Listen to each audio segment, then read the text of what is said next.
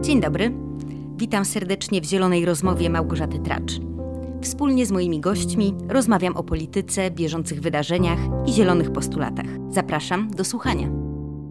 Dzisiaj będziemy rozmawiać o tym, jak projektować miasta odporne na fale upałów i susze, a będę miała przyjemność rozmawiać z Małgorzatą Piszczek, biolożką, architektką krajobrazu, znaną wrocławską przyrodniczką, członkinią e, grupy Wrocławska Przyroda, a także koalicji Wrocławska Ochrona Klimatu, a także organizatorką świetnych takich przyrodniczych spacerów po Wrocławiu. Dzień dobry Małgosiu. Dzień dobry, bardzo mi miło się z Tobą spotkać, Małgosiu. Tematem naszej dzisiejszej rozmowy będzie miejska przyroda, więc no nie da się tutaj nie nawiązać do dotykającej nas tak naprawdę od kilku tygodni fali upałów, którą mamy we Wrocławiu. Jest sierpień i praktycznie codziennie mamy temperatury w okolicach 30 stopni, duchotę, skwar, szczególnie w tych miejscach, gdzie brakuje nam drzew, prawda, tam gdzie mamy tereny mocno zabudowane. Do tego nękają nas takie ulewne, bardzo deszcze, burze, krótkie co prawda, które nie przynoszą ochłody, no ale też nam na na przykład jak zbieramy teraz podpisy, sporo planów krzyżują. Taka pogoda wiąże się tak naprawdę z wieloma zagrożeniami, jest ryzykiem dla zdrowia, szczególnie dla osób starszych, naszych seniorów i seniorek. I tu pytanie, czy coś dałoby się z tym zrobić? Jak projektować miasta, żeby były odporne na takie fale upałów? Jakie rozwiązania powinny być stosowane, aby zapewnić mieszkankom i mieszkańcom miejsca wytchnienia i odpoczynku, żebyśmy nie byli aż tak bardzo podatni na te wysokie temperatury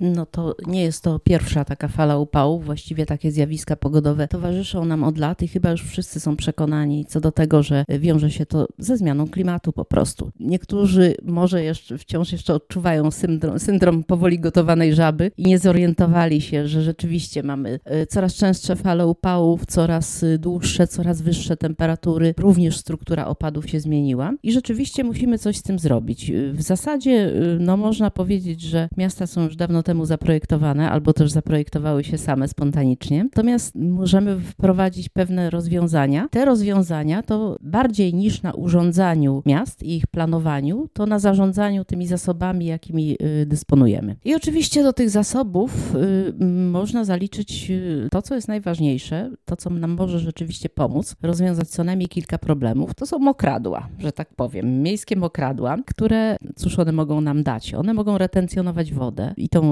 retencjonować tą wodę blisko miejsca opadu, czyli tak jak to jest polecane przez specjalistów. Mogą odciążać kanalizację deszczową, tak żeby ona była bardziej drożna, żeby część tej wody, która w czasie opadów nawalnych y, spływa na nasze ulice, nie trafiała do kanalizacji, tylko właśnie została zretencjonowana wcześniej. Y, również mokradła nam mm, zapewniają klimatyzację, czyli ochładzają miasta, bo woda z nich odparowuje oraz zwiększają wilgotność y, powietrza, nie tylko w swoim bezpośrednim otoczeniu, ale w bardzo y, no, szerokim promieniu. No i co z tymi mokradłami, tak? Bo nie chodzi tylko o Wrocław, większość y, miast jest zbudowanych y, nad rzekami, ale większość miast z kolei jest mocno wyschnięta. Myśmy ten cały teren towarzyszący naszym rzekom osuszyli, no i dosyć mocno go zabudowali. Zostały nam z tego niewielkie resztki. I te resztki to jest, no to są doliny rzek, oczywiście, przy których te fragmenty, których jeszcze nie zabudowaliśmy i których być może no, nie warto zabudowywać w tej sytuacji. To są y, te wszystkie elementy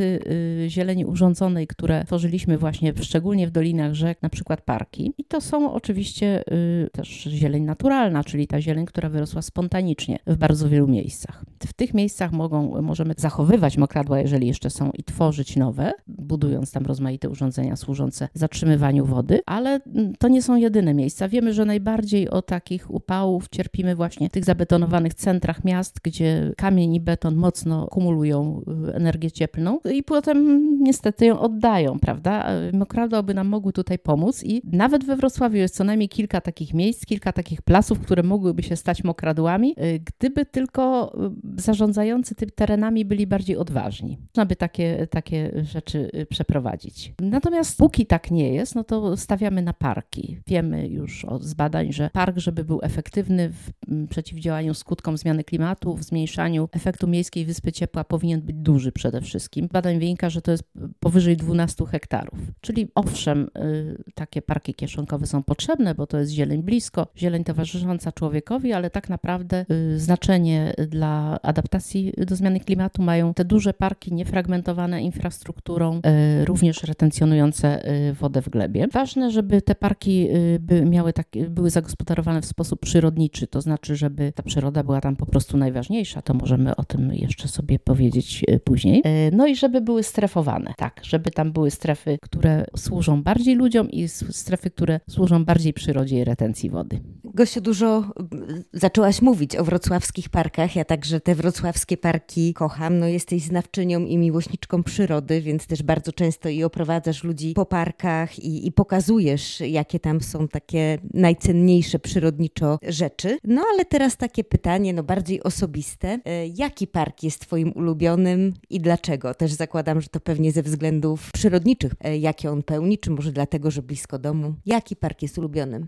No oczywiście park, w którym bywam dosyć często, czyli Park Grabiszyński, ale nie tylko z tego względu, że, że, że mam go stosunkowo blisko domu, tylko głównie dlatego, że on rzeczywiście jest y, takim parkiem zróżnicowanym, ciekawym. Y, jest, y, mm, uważam, parkiem doskonale zaprojektowanym. To jest w dużej części park osiedlowy, który został zaprojektowany wraz z osiedlem Grabiszynek, które mu towarzyszyło. I to zagospodarowanie obejmowało dolinę Cieku, Potoku, Grabiszynka, któremu towarzyszą łąki. To jest ten naturalny teren retencji wody, który no nikomu w tym 37 roku nie przyszło do głowy to, żeby go zabudować, prawda? Mimo, że jeszcze o zmianie klimatu wtedy bardzo niewiele osób mówiło, że taka rzecz nam się może wydarzyć. Poza tym to jego zróżnicowanie też y, mm, opiera się na tym, że ma on taką część leśną praktycznie, będącą byłym cmentarzem. To jest przepiękne laboratorium sukcesji, takie właśnie obserwatorium przyrody, gdzie możemy popatrzeć, jak przyroda pochłania i zmienia to, co człowiek pozostawił po sobie, jak jest w tym efektywna. Jeżeli nawet w taki upał jak dziś pójdziemy do takiego parku, to odczujemy tam ulgę,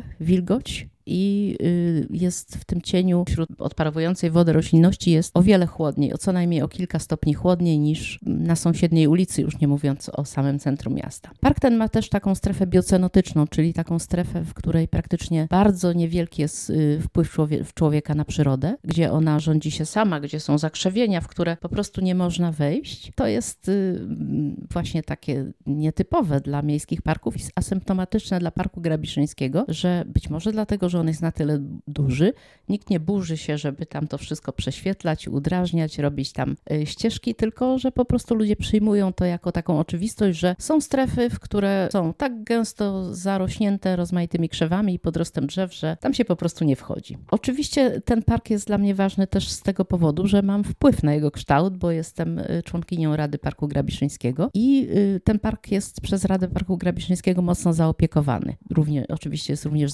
zaopiekowany przez Zarząd Zieleni Miejskiej, ale y, wszystkie y, decyzje dotyczące parku, dotyczące usuwania drzew, nasadzeń kompensacyjnych, planu koszenia na przykład ustalamy razem w takim gronie społeczników i kowców oraz pracowników Zarządu Zieleni Miejskiej. W zasadzie uważam, że każdy park powinien mieć taką y, radę parku. Niedawno spacerowałam po Parku Wschodnim, który jest też y, no, wspaniałym parkiem. On ma y, cudowne położenie, jest praktycznie, praktycznie na wyspie w ramionach rzeki Oławy i jest w nim dużo wody. Natomiast zauważyłam, że jeżeli chodzi o pielęgnację tego parku, tak zwaną, tak, czy też zarządzanie tym parkiem może bardziej, no to jednak tutaj nie jest takie tak dobre, tak przyrodniczo dobre, jak mogłoby być, że tutaj trochę wraca się do praktyk służbowych słusznie minionych, czyli do koszenia całych połaci, do koszenia również runa pod drzewami, do usuwania martwego drewna, które powinno tam zostać nie tylko dlatego, że żyją tam w nim rozmaite organizmy, ale dlatego, że ono buduje próchnicę, która jest y, również ważną częścią gleby retencjonującą wodę. Mamy co poprawiać jeszcze w tym naszym mieście. Park Grabiszyński też jest jednym z moich ulubionych parków i też e, taki troszeczkę mam sentyment. E, pamiętasz 2018 rok, gdzie chyba jakoś się poznałyśmy, to wtedy była cała ta walka przeciwko modernizacji e, Parku Grabiszyńskiego i bardzo dużo osób, przyrodników, osób, które kochają naturę, które mieszkały w tych okolicach, no sprzeciwiało się planom miasta i jednym właśnie z efektów tego udało nam się, tak? To była też taka udana batalia, gdzie jako Zieloni też się zaangażowaliśmy, szczególnie Paweł Pomian Od nas, który wtedy był w Radzie Osiedla i rzeczywiście udało się z tym Parkiem Grabiszyńskim. Powstała ta społeczna Rada Parku Grabiszyńskiego. Jak wspomniałaś, fajnie funkcjonuje i to wy, mieszkańcy i mieszkanki okolicy, a też jednocześnie specjaliści od zarządzania zielenią e, macie na to wpływ. E, no i tutaj ten kontrast do Parku Wschodniego blisko mnie, więc też tam często bywam i, i rzeczywiście ta potrzeba, żeby więcej e, zarządzania terenami zielonymi oddać w ręce mieszkańców mieszkanek, którzy najlepiej wiedzą, czego potrzebują i, i czego oczekują od tych terenów zielonych. Także chyba jest to ten kierunek, w którym powinniśmy zmierzać, ale zostawiając już parki, chciałabym jeszcze dopytać o kwestię suszy. No suszę taką hydrologiczną mamy w całej Polsce praktycznie każdego roku. Bardzo te susze e, są uciążliwe dla rolnictwa, to wszyscy wiemy, że brak wody jest niezwykle uciążliwy, ale też chciałam dopytać o naturalne zasoby wodne w obrębie miast, czyli rzeki, łąki, mokradła. Już troszeczkę o tym wspomniałaś, ale myślę, że ten temat warto rozwinąć. No, co więcej, jeśli chodzi właśnie o te nasze e, cieki wodne i, i tereny podmokłe, jak je chronić, jak je rozwijać i dlaczego? No tak, Wrocław ma wspaniałe położenie y, w, Dolinie Odry i pięciu jej dopływów, także wody nam nie powinno brakować. No i rzeczywiście y, prawie, że tak jest, tak? Nie mamy, y, czasem tej wody, można powiedzieć, jest nawet nadmiar, tak jak na Jagodnie, gdzie mm, zostały wybudowane bloki na terenach retencji wody i w związku z tym one są podtapiane regularnie przy każdej ulewie. Natomiast ciek Brochówka, do której są sprowadzane rowy melioracyjne po prostu nie odbiera tej wody. I to jest taki symptomatyczny przykład tego, co powinniśmy robić. Powinniśmy ograniczyć zabudowę właśnie na terenach retencji wody, bo one są dużo ważniejsze niż te mieszkania, które tam powstaną. Jeżeli chodzi y, o tereny przeznaczone w ogóle, już y, jakby abstrahując od Wrocławia, w ogóle w całym kraju mamy bardzo dużo terenów przeznaczonych pod zabudowę. O wiele więcej niż potencjalnie jesteśmy w stanie zbudować domów, my Polacy, dlatego że tyle nie ma, tak? Nie mamy takich potrzeb mieszkaniowych. I to jest to, o o, o, o co powinniśmy walczyć i o co powinniśmy dbać, czyli zarządzanie zasobami przyrodniczymi w ten sposób, żeby chronić gleby przede wszystkim, które są najlepszym magazynem wody, zwłaszcza takie gleby właśnie pobagienne, jakie tutaj we Wrocławiu występują, jeszcze jako, że leży on właśnie w dolinach tych rzek. Nie zabudowywać tych terenów, jednocześnie tą wodę nie odprowadzać jej, nie, nie robić tak, żeby ona szybko spływała. Do tego nam są potrzebne łąki, do tego nam są potrzebne mokradła, do tego nam są potrzebne korytarze ekologiczne, niezabudowane y, w dolinach rzek. Tutaj akurat taką, y, taką, takim przykładem, który, na którym no, można się pochylić i mam nadzieję, że ktoś to zrobi, jest Dolina Ślęzy, która jest rzeką y, skanalizowaną praktycznie. Ona bardzo szybko odprowadza wodę ze swojej krót niewielkiej zlewni położonej głównie w terenach rolniczych do Odry. W zasadzie również jeżeli pojawią się w tej zlewni jakieś zanieczyszczenia, to ona też bardzo bardzo szybko je do tej Odry odprowadza. I dbanie o tą naszą największą rzekę, jedną, y, drugą co do wielkości rzekę w Polsce, również największą rzekę Dolnego Śląska, Odrę, powinno polegać na tym, że dbamy o zlewnie jej dopływów. No więc jeżeli chodzi o Ślęzę, to nie tylko niezabudowywanie tego jej korytarza, y, doliny, w której y, płynie, ale też y, renaturyzacja ślęzy. To się da zrobić, dlatego że wzdłuż y, jej y, koryta w dolinie mamy wiele terenów należących do gminy, które mogą być przeznaczone właśnie w ten sposób, przeznaczone na jakieś działania renaturyzacyjne. Służyłoby to nie tylko retencji wody i poprawie jakości wody spływającej do Odry, ale zwiększałoby bezpieczeństwo powodziowe. To również jest to sprawa istotna dla mieszkańców w kontekście zmian zmiany klimatycznej. Cieszę się, Małgosiu, że y, postawiłaś ten postulat y, renaturyzacji ślęzy. W pełni słuszny, ja się, ja się w pełni z nim zgadzam, tym bardziej, że dużo interwencji podejmowałam, jeśli chodzi o rzeki na Dolnym Śląsku. Mieliśmy katastrofę kilka lat temu na Baryczy, tak? Ogromne zanieczyszczenie. Też jeśli chodzi o ślęzę, to w tamtym roku y, Grzesiek Idziak, zresztą, który współpracuje z tobą, czy, czy przy Lesie Mokrzańskim, też znany, znany wrocławski przyrodnik, też zaalarmował mnie, że prawdopodobnie jest przyducha w ślęzy. Ja takie interwencje złożyłam do odpowiednich instytucji latem zeszłego roku. No niestety no spełzły na niczym, bo okazało się, że nie ma odpowiedniego sprzętu, żeby wodę napowietrzyć. I to było dosłownie kilka tygodni, nawet nie wiem czy nie dni, przed tą ogromną katastrofą na Odrze, więc no to chyba wszystkie te przykłady pokazują, jak my musimy dbać o nasze rzeki, o Odrę, o zlewnie Odry filtry, bo to jest tak naprawdę kluczowe, jeśli chodzi nie tylko o to, prawda, czy są czyste, no bo są cały czas niestety zanieczyszczane, też nie, nie tylko kontekst powodzi, choć niezwykle ważny, ale także właśnie ten kontekst suszy i temu, jak zapobiegać. I przejdziemy chyba tak płynnie teraz do mojego kolejnego pytania, które dotyczy tak naprawdę ochrony dzikiej przyrody w miastach, no bo wiemy, że szczególnie mokradła, e, doliny rzek zasługują na taką ochronę, ale czy widzisz jeszcze jakieś inne takie elementy e, dzikiej, miejskiej przyrody, na których powinniśmy się skupić, o które powinniśmy dbać, bo to, że parki, skwery, no to jest oczywiste, prawda, bo one są blisko ludzi, ale dla naszego życia w mieście, dla komfortu tego życia, szczególnie w takiej fali upałów, też e, ogromne znaczenie ma ta dzika przyroda. Jako Grupa Wrocławska Przyroda wyłoniliśmy 26 takich obszarów, szczególnie szczególnie cennych przyrodniczo w mieście, które chcielibyśmy e, objąć formami ochrony prawnej, formalnej, e, po to, żeby one e, po prostu trwały, tak? Żeby trwały też w momencie, kiedy się na przykład we Wrocławiu zmieni władza. Mimo, że teraz nic im nie grozi, bo tak jak mówi pan prezydent, są one zabezpieczone planistycznie, to znaczy w MPZP nie ma tam nic innego jak zieleń, to wiemy, że jeżeli nie teraz, to kiedyś w przyszłości taki plan, miejscowy plan zagospodarowania przestrzennego może się zmienić i może tam powstać coś, co y, rzeczywiście nie będzie tej przyrodzie sprzyjać, nie będzie sprzyjać jej ochronie. Y, dlatego też y, chcemy, żeby powołać na tych szczególnie, szczególnie cennych przyrodniczo terenach rezerwaty, użytki i użytki ekologiczne oraz zespoły przyrodniczo-krajobrazowe. Właśnie kim Dolina Ślęzy powinna zostać takim zespołem przyrodniczo-krajobrazowym. Taka kampania marketingowa właśnie Koalicji Wrocławska Ochrona Klimatu odbiła się bardzo szerokim echem. Około rok temu cała inicjatywa Dziki Wrocław, billboard we Wrocławiu, no, w których po prostu przedstawiane były właśnie te piękne, dzikie, e, przyrodnicze tereny, które powinny zostać objęte ochroną prawną. Ta kampania odbiła się naprawdę szerokim echem w całej Polsce i wydaje mi się, że była niezwykle skuteczna. E, też w działalność wrocławskiej ochrony klimatu zaangażowany jest Robert Suligowski, nasz e, zielony kandydat na prezydenta Wrocławia, który mocno to wspiera, no i był jednym z inicjatorów walki, udanej zresztą walki o Las Mokrzański, więc na pewno wykonaliście pracy, wyznaczając prawda, te 26 e, obszarów, które powinny podlegać ochronie. E, zrobiliście świetną kampanię, też spotkaliście się e, z no, odpowiednimi władzami, prawda, żeby ustalić, co, co można zrobić, czy są jakieś zagrożenia albo jakieś plany faktycznie nadania statusu użytków ekologicznych czy innych form ochrony. Ale jestem ciekawa, jak oceniasz skuteczność tego projektu? Czy udało się Wam osiągnąć to, co planowaliście? Czy jeszcze są jakieś dodatkowe wyzwania? Przed koalicją. Jakie działania planujecie?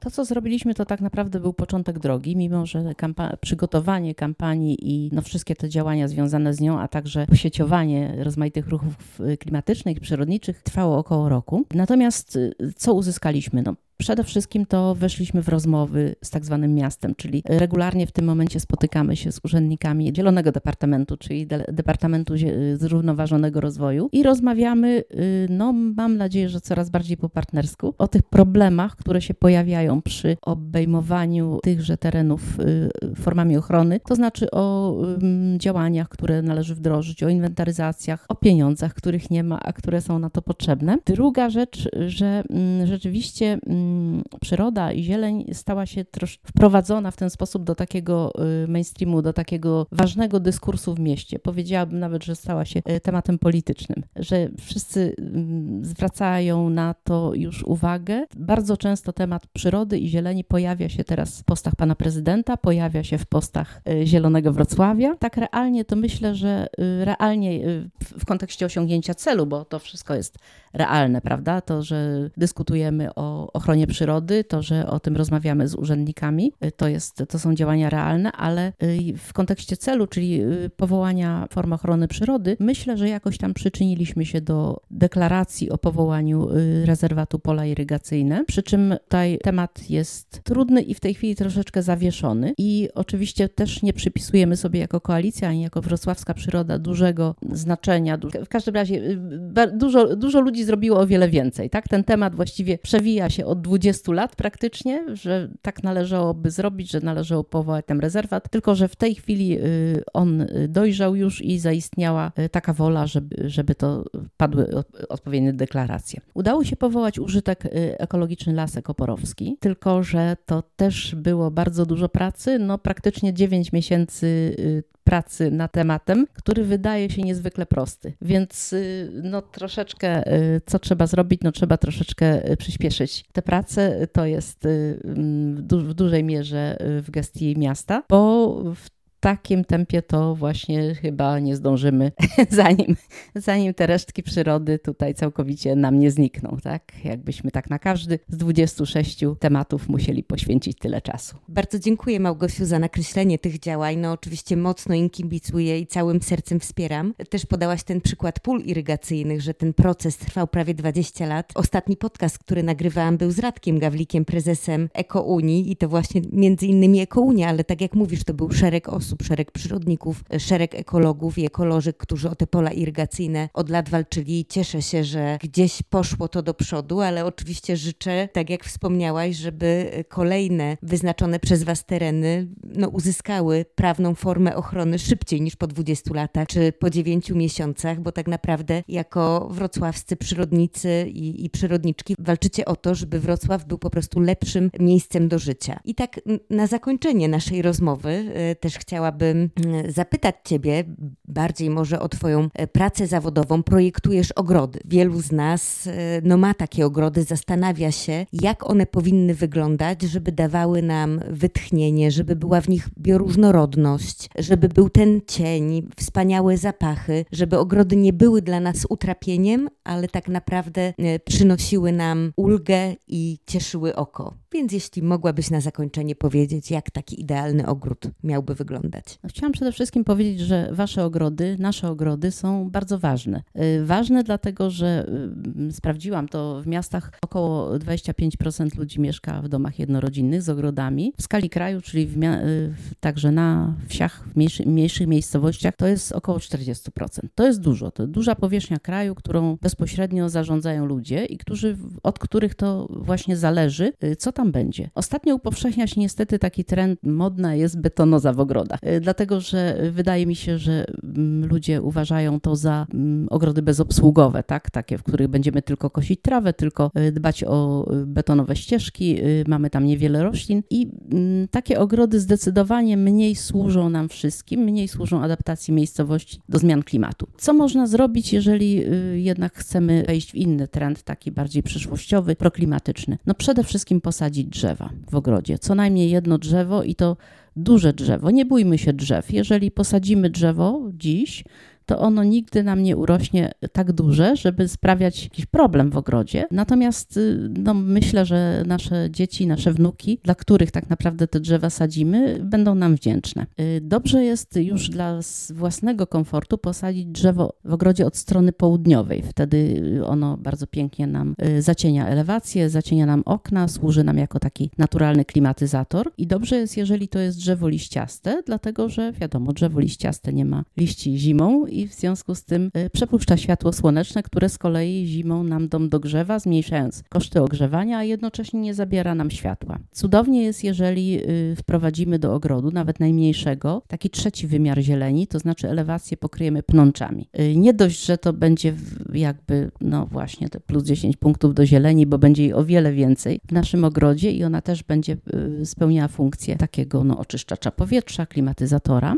Również zrobimy dobrze ptakom, jeżom i innym zwierzętom, które tam y, w, takim, w takiej zielonej ścianie mogą żyć, y, no to Wygląda to też bardzo ładnie i chroni elewację. I retencja wody, tak? Każdy może tą wodę retencjonować w nasz, w, na własnym terenie. Zresztą prawo od nas tego wymaga. Natomiast retencjonować ją możemy w różny sposób. Możemy ją gdzieś zastosować drenaż i zasilać wody y, podziemne, ale też możemy y, retencjonować tą wodę w pobliżu miejsca opadu w oczkach wodnych, y, właśnie w małych przydomowych mokradłach. Jeżeli takie mokradła bardzo sprzyjają różnorodności biologicznej, więc możemy się tam spodziewać, że będą tam na przykład płazy, które będą zjadały larwy komarów, więc o to też możemy być spokojni. Jednym słowem, starajmy się, żeby nasze ogrody były takimi, były częściami ekos większego ekosystemu miejskiej przyrody, no i jednocześnie małymi funkcjonalnymi układami.